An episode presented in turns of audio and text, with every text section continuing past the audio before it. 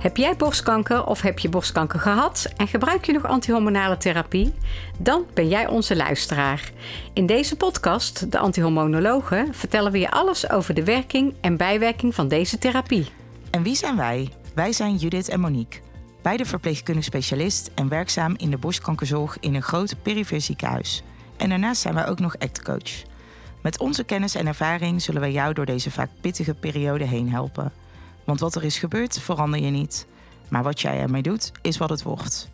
Welkom bij de Antihormonologen. Veel luisterplezier. Welkom bij aflevering 12 van de Antihormonologen. In deze aflevering gaan we het hebben over de AYA met hormoongevoelige borstkanker. We gaan proberen al jullie vragen te beantwoorden in de komende afleveringen. Want jullie hebben massaal vragen ingestuurd en we hebben meer dan voldoende te vertellen voor twee, maar mogelijk misschien wel drie afleveringen. Daarover later meer. Maar Jut, kan jij eerst een stukje achtergrondinformatie over de AJA's met ons delen, zoals we dat eigenlijk altijd doen? Zeker. Het is even goed om de context weer goed te stellen. Ja, wat is dan precies een AJA en waar staat dit voor en waarom wordt dit gezien als een aparte groep? AJA staat voor Adolescent and Young Adults en AJA-zorg is dus een leeftijdsspecifieke zorg voor jong volwassenen die gediagnosticeerd zijn met kanker in de leeftijd tussen de 18 en de 39 jaar. Op de website van de AJA-zorg staat beschreven dat deze zorg de focus legt op de kwaliteit van leven en aandacht voor wat deze specifieke groep in deze fase van hun leven nodig heeft. Want naast de typische psychosociale aspecten hebben behandelingen tegen kanker vaak een ander effect dan bij kinderen of bij ouderen. Je kan zien of het ziekenhuis waar je behandeld wordt het AJA-zorgkeurmerk heeft. Is dat het geval, dan hebben de verpleegkundigen en verpleegkundig specialisten een extra scholing voor de begeleiding van deze patiëntengroep gevolgd. Er wordt omschreven dat de zorg nurse-led geregeld is. En nurse-led betekent dat dit stuk extra aandacht georganiseerd en gecoördineerd wordt door verpleegkundigen en verpleegkundig specialisten. Die AJA-zorg dus. En daarin wordt natuurlijk samengewerkt met alle andere disciplines die hierbij horen. Heeft jouw ziekenhuis dit keurmerk nog niet of niet, betekent het niet dat je daar natuurlijk niet de juiste zorg krijgt. Nee, precies. Je krijgt natuurlijk overal uh, goede zorg. Zeker. Maar het is net dat beetje extra. Dus het is natuurlijk fantastisch dat de organisatie er is. Hè? En uh, de meest voorkomende kankersoort onder de vrouwelijke AJA's is borstkanker. Dus we denken dat het goed is om daar toch die extra aandacht aan te besteden. Ja. En op Instagram kregen we ook veel vragen of je als je net boven de 40 bent geen recht hebt op AJA-zorg. Maar weet dat borstkankerzorg is altijd zorg op maat. Dus als er voor jou nog zaken spelen, als bijvoorbeeld zoiets belangrijks als een kinderwens, ook al ben je net boven die 39, dan bespreek dit natuurlijk altijd met je zorgverlener. En zoals we al gezegd hebben, gaan we proberen al jullie vragen te beantwoorden. Zijn we iets vergeten of wil je nog iets anders graag weten? Laat het ons dan gerust weten. Dan nemen we dat mee in de volgende afleveringen. En waarom is er dan gekozen om binnen de zorg rondom kanker een leeftijdsgroep te creëren? Ja, dat hebben we net natuurlijk ook al wel een beetje besproken. En die achtergrondinformatie. Maar het heeft eigenlijk alles te maken dat kanker op deze jonge leeftijd zeldzaam is. En dat de groep nog eh, qua leeftijdscategorie staat aan het begin van het leven op allerlei gebieden. En zich daar aan het ontwikkelen is. Studie, werk, relaties, vriendschappen, mogelijk kinderen krijgen. Alles staat net iets in een ander daglicht. Vragen die daarbij kunnen horen van... joh, kan ik nog gaan studeren? Krijg ik een baan? Zal ik ooit een hypotheek krijgen? Kan ik nog aan kinderen denken? Dat betekent dat dus ook naast het lichamelijk aspect van kanker er zoveel meer zaken spelen. Het is daarom ook enorm belangrijk voor ons als zorgverleners hiervoor aandacht te hebben en dit soort zaken bespreekbaar te maken. En weet dus ook dat je hier als patiënt altijd extra ondersteuning of vragen over kan en mag stellen. Ja, en ook kun je als AJA op de website van het AJA Zorgnetwerk informatie vinden om mee te nemen naar jouw zorgverlener. En daarnaast kun je in contact komen met mede-AJA's om ervaringen uit te wisselen. We zullen de link van de websites met jullie delen, want naast AJA Zorgnetwerk vind je ook hier heel veel informatie over op kanker.nl en dan onder het kopje Jong en Kanker. Ook daar kun je in contact komen met lotgenoten.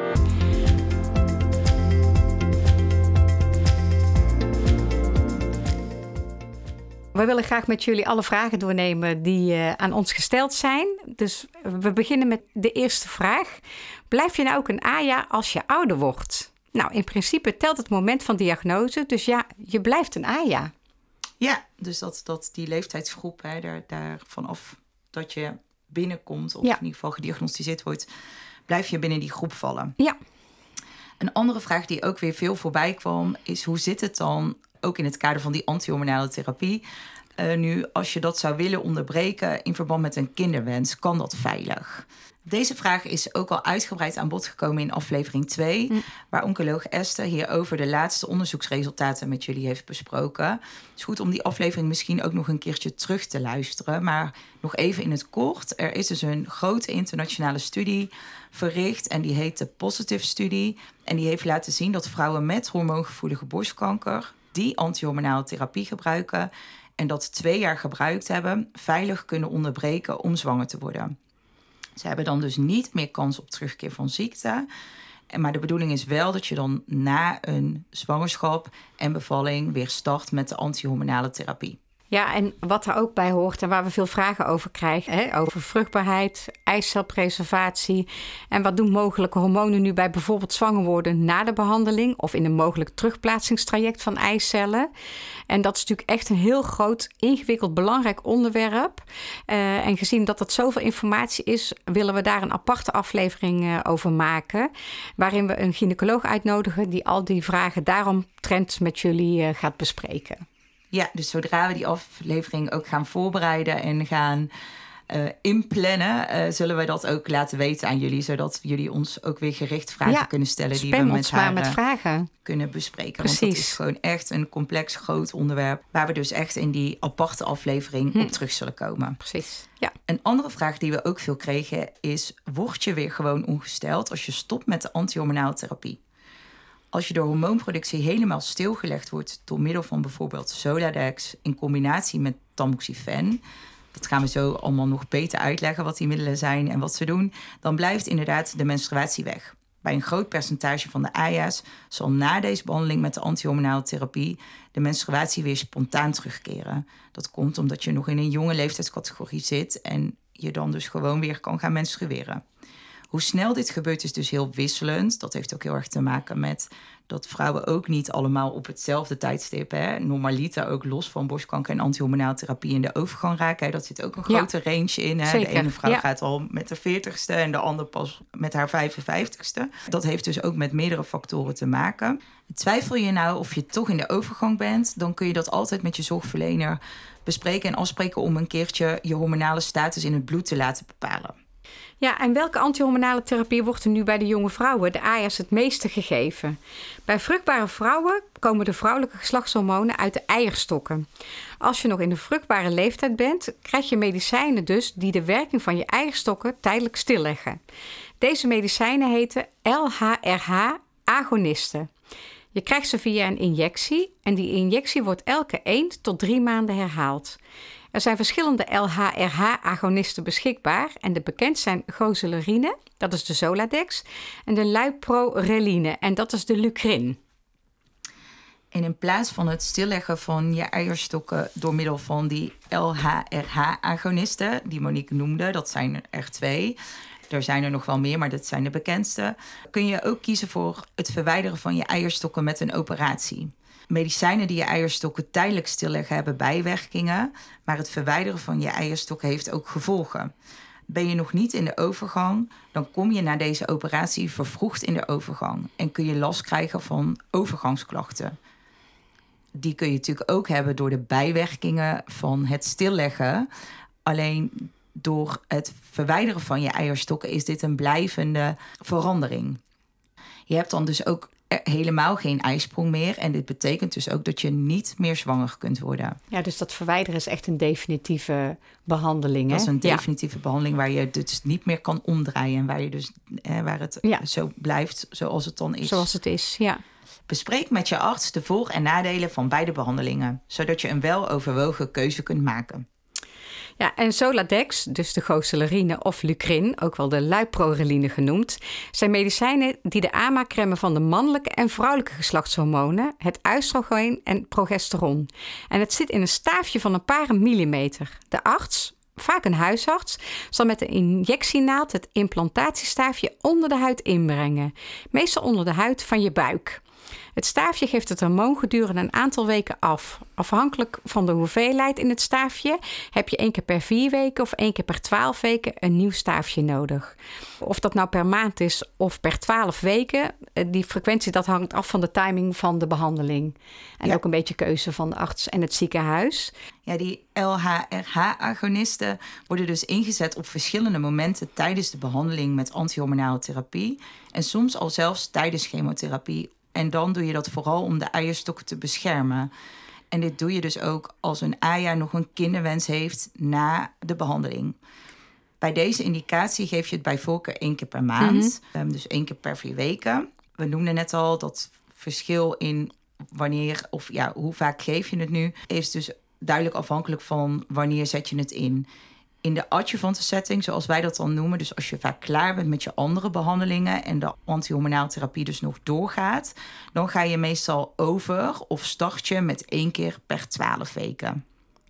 Het blijft belangrijk te vermelden dat deze inzichten en keuzes in dit soort frequenties per ziekenhuis kunnen wisselen en ook per behandelaar.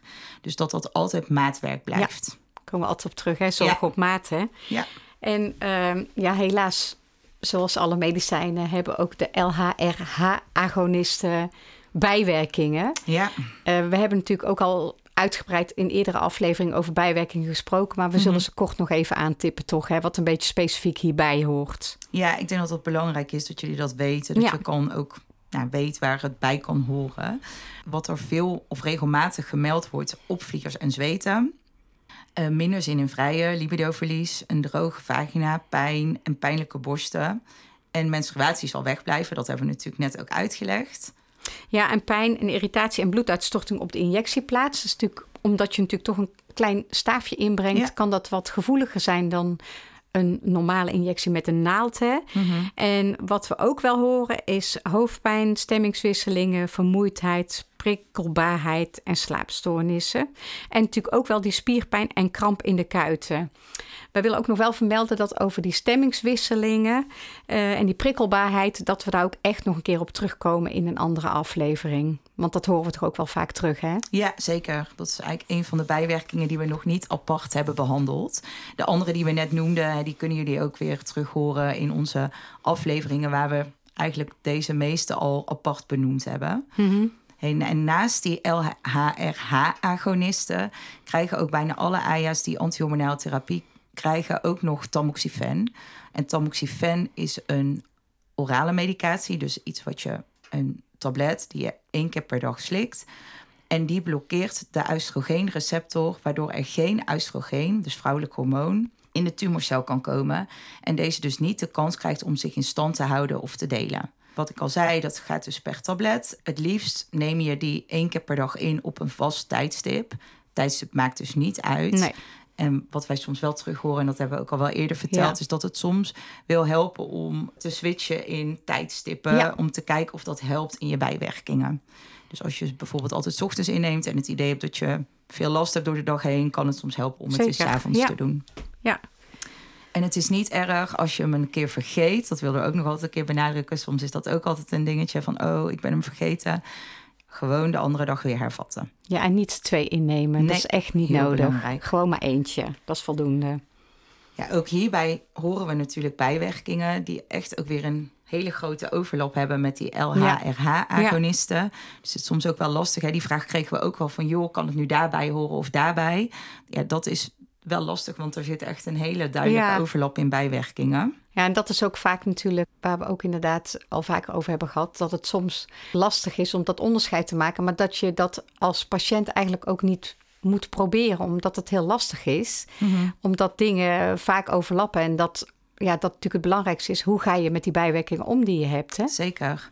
Ja, als we dan het, het rijtje ook weer zien, dan wat we al zeiden, dan zit daar zo'n overlap in. Hè? De opvliegers, wisseling in je cyclus of geen cyclus. Vaginale klachten, vaginale jeuk, droogheid, die stemmingswisselingen. Dunne haar, gewrichtsklachten, libidoverlies. Ook krampen in de kuiten en de benen.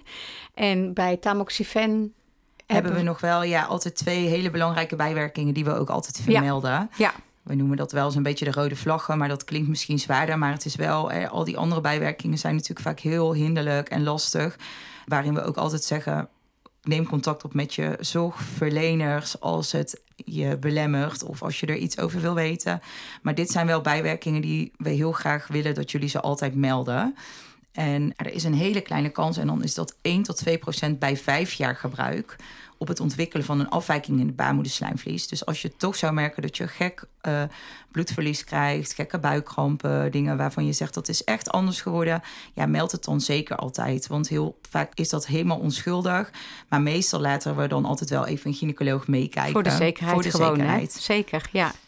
En nog zo'n belangrijke is dat er ook een hele kleine kans is, ook weer die 1 tot 2 procent bij vijf jaar gebruik, op het ontwikkelen van een trombose. Ja, dus als je opeens uh, ziet dat je een dik been hebt, of een glanzende kuit, of een rood been, of pijn in je been.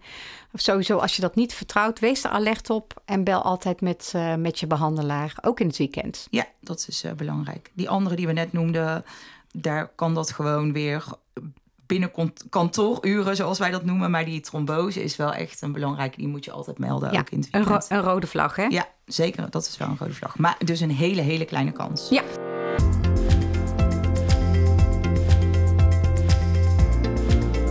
En wat ook nog een belangrijke is, is dat de kans als je een combinatie van deze twee behandelingen krijgt, dus van zo'n LH-RH-agonist en de tamoxifen, dat je zwanger kan worden heel, heel, heel klein is. Maar dat we toch moeten zeggen dat het geen anticonceptie is. dus de kans is heel klein, maar het sluit het niet volledig uit. Ja, wel een belangrijk punt, denk ik, belangrijk om te vermelden. Punt. Zeker. Wat ook nog goed is om te zeggen, dat we in aflevering 2, zoals we ook net al noemden, bespreken we deze dingen dus allemaal ook nog met, uh, met Esther, met de oncoloog. Dus ja, mocht je denken, ik wil er toch nog iets meer over weten, kan het ook helpen om die aflevering dus nog een keertje terug te luisteren. Dat is het voordeel van podcast luisteren. Dat je altijd, je altijd teruggaat naar een eerder onderwerp, uh, eerder onderwerp. Hè? Zeker. Wat ook een belangrijke vraag was en ook een heel actueel onderwerp is... Uh, ten aanzien van overbehandeling van antihormonale therapie en het meten van een behandeling. Het meten van een bloedspiegel, oftewel de therapeutische drukmonitoring, de TDM, dat kan helpen om te zien of je de juiste dosering krijgt van de tamoxifen. En dit wordt ook wel de endoxifenspiegel genoemd. Een groot onderzoek heeft aangetoond dat een endoxifen grenswaarde boven de 16 millimol per liter het meest optimale effect zou geven om de kansen op terugkeer van ziekte te verkleinen. Een hele volzin. Een hele volzin. Ja, vanuit een Nederlands onderzoek uit het Erasmus Medisch Centrum wordt geadviseerd om na drie maanden tamoxifen-gebruik een spiegel te laten prikken en zo nodig de dosering te verhogen. Ja, deze meting wordt nog echt in heel weinig ziekenhuizen gedaan, dus dit is ook absoluut geen richtlijn. Maar ehm, deze meting kan je wel grip geven over wat tamoxifen doet in het bloed. Dus of je binnen de juiste waarde zit om de kans op terugkeer te verkleinen. Nou, die waarde die Monique net ook al noemde van die 16 millimol per liter. Als je die te laag prikt, kan je dus overwegen om de dosering op te hogen. Als je dat zou doen, is het dus ook weer van belang om daarna weer te controleren of de spiegel dan ook stijgt. Dat doe je dan dus ook weer na drie maanden, want dat is wel de tijd. En we hebben die termijn ook al eerder genoemd. Hè, dat het lijf eraan moet wennen, dat je er iets over kan zeggen. Dus dan prik je opnieuw om te kijken of dat voldoende is. Je hoogt dan meestal op als je ophoogt naar 40 milligram. Als nou de spiegel heel hoog zou zijn en er bijvoorbeeld ook heel veel klachten of bijwerkingen zijn, dan zou je kunnen verlagen naar 10 milligram. De standaarddosering van tamoxifen is 20. Dus ophogen doe je naar 40. Verlagen zou je naar 10 kunnen doen. Maar ook dan blijft het weer van belang om dat ook weer na drie maanden opnieuw te prikken. Of je dan niet veel te laag zit in je spiegel.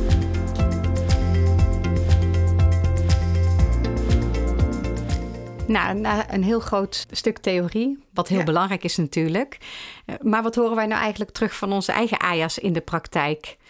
Eh, wat we wel heel veel terug horen is de verandering op het gebied van energie. Hier hebben we het natuurlijk in eerdere aflevering ook over gehad. En dat blijft natuurlijk heel, heel lastig.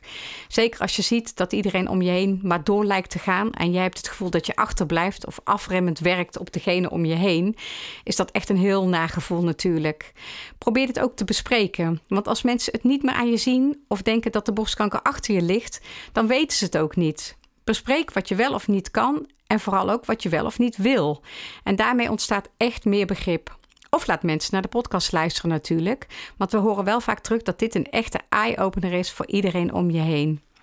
En ten aanzien van die energie, laat je begeleiden door een fysiotherapeut of een revalidatiecentrum om conditioneel weer sterker te worden en nog veel belangrijker om te leren omgaan met je veranderde energiebalans. Ja, en naast deze hele belangrijke, hè, die energie is wat we ook juist in deze groep heel veel terug horen de combinatie gezin, relatie, hervatten werk, sociaal leven. Ja, alle ballen hoog houden is sowieso al vaak een uitdaging. Voor iedereen. Voor iedereen. Ja, zeker. Ja, Sowieso. Maar ga er maar eens aan staan als je dan nou. ook nog eens ziek bent geweest. Er leuk uit willen zien, werken, goed voor je gezin zorgen, je relatie op peil houden. Ja, zo kunnen we nog wel even doorgaan. Laat staan hoe verschrikkelijk moeilijk het is als je dan ook nog behandeld wordt of bent voor borstkanker. Belangrijk is om de stappen die je zet klein te houden en die kleine stapjes ook als winst te zien. Te veel in één keer lukt vaak niet. En dat kan dan ook weer als verlies voelen als je steeds weer een aantal stappen terug moet doen. Belangrijk om proberen bewust te kiezen wat voor jou belangrijk is en daar bewuste keuze in te maken. Dus een lekker avondje op stap, maar dan daarna een rustig weekend in te lassen bijvoorbeeld. Ja, en er kwamen ook best wel weer veel vragen over seksualiteit. Daar hebben we en natuurlijk echt een heel groot en heel belangrijk onderwerp waar het altijd goed is om veel aandacht voor te hebben. Zeker. Maar daar hebben we natuurlijk een aflevering over uh, gemaakt al. Mhm. Dus luister die vooral terug. Vind je het niet voldoende wat erin staat, laat het ons ook gerust weten. Maar wie kunnen er nu beter vertellen hoe het echt is om dit allemaal te moeten ondergaan? Dat zijn natuurlijk de ervaringsdeskundigen. Ja, en dat is ook meteen een bruggetje naar onze volgende aflevering. Want hierin zullen wij in gesprek gaan met AJA's en hun vragen naar hun ervaringen, uitdagingen tijdens de behandeling met de antihormonale therapie en ja, om een AJA te zijn. Um, dus mochten jullie vragen hebben voor hun, stuur ze vast in. We zullen het ook zeker weer aankondigen. Ja, we willen jullie weer heel erg bedanken voor het luisteren naar onze aflevering en voor de reacties en de positieve feedback. Wij kijken uit naar de volgende aflevering. Zeker. Dus bedankt voor het luisteren en tot dan. Tot dan.